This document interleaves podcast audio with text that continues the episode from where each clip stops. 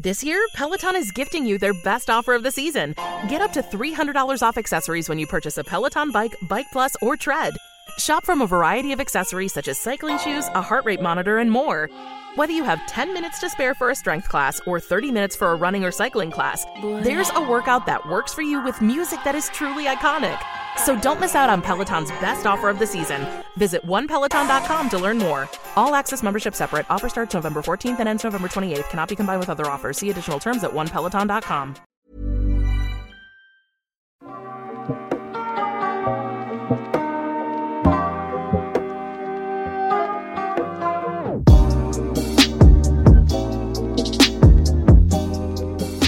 Hi, my name is Zach, and together with Wikipedia, I'll help you fall asleep. Get cozy and relax. I'll read out loud to you. Today, Chris Ernst. For better conditions in women's rowing.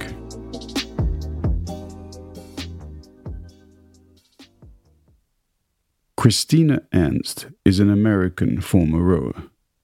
She led a 1976 protest at Yale University about the inadequate facilities provided to the women's crew team. In the 1986 World Rowing Championships, she won gold in the women's lightweight doubles event. Early life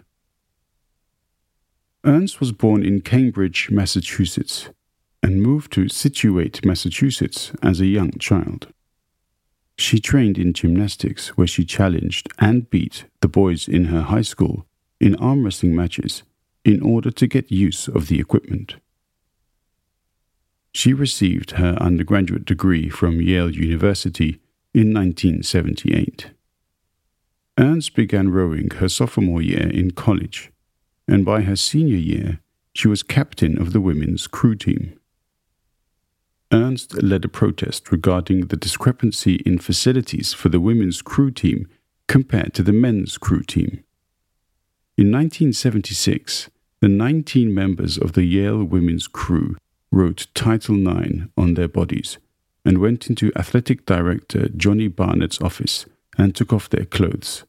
And then Ernst read a statement about the way they were being treated that began, These are the bodies Yale is exploiting.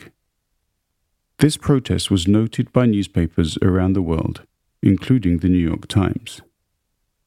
By 1977, a women's locker room was added to Yale's boathouse. Previously, there was no bathroom available for the women's crew team, so they had to wait on the bus after practice while the men showered before they could return to campus. This protest was chronicled in the 1999 documentary A Hero for Daisy. Anne Warner and Ginny Gilder, both future Olympic rowing competitors, also participated in the protest. Rowing History After graduating from college, she was an assistant rowing coach at Yale and shifted her focus to sculling, rowing with two oars. She was an alternate on the United States Olympic team for the 1976 Summer Olympics, the first year where women's rowing was an option. She also participated as an alternate in the 1984 Summer Olympics.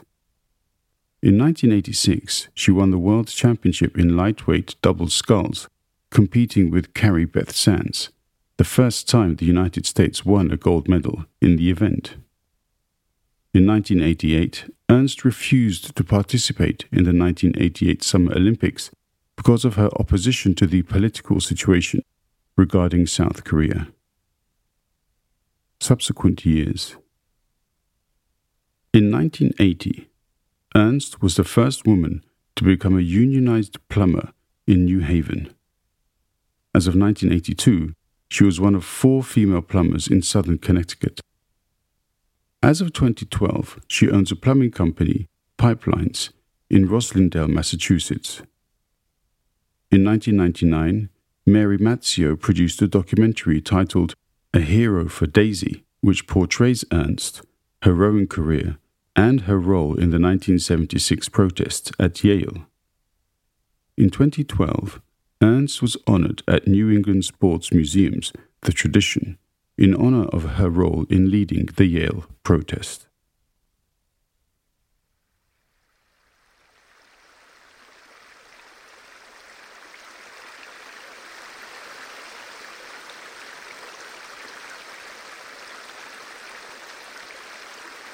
Hey, still awake?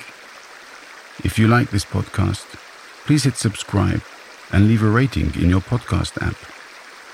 The podcast is available under Creative Commons Attribution. This podcast is produced and edited by Schønlein Media. Read by me, Zach.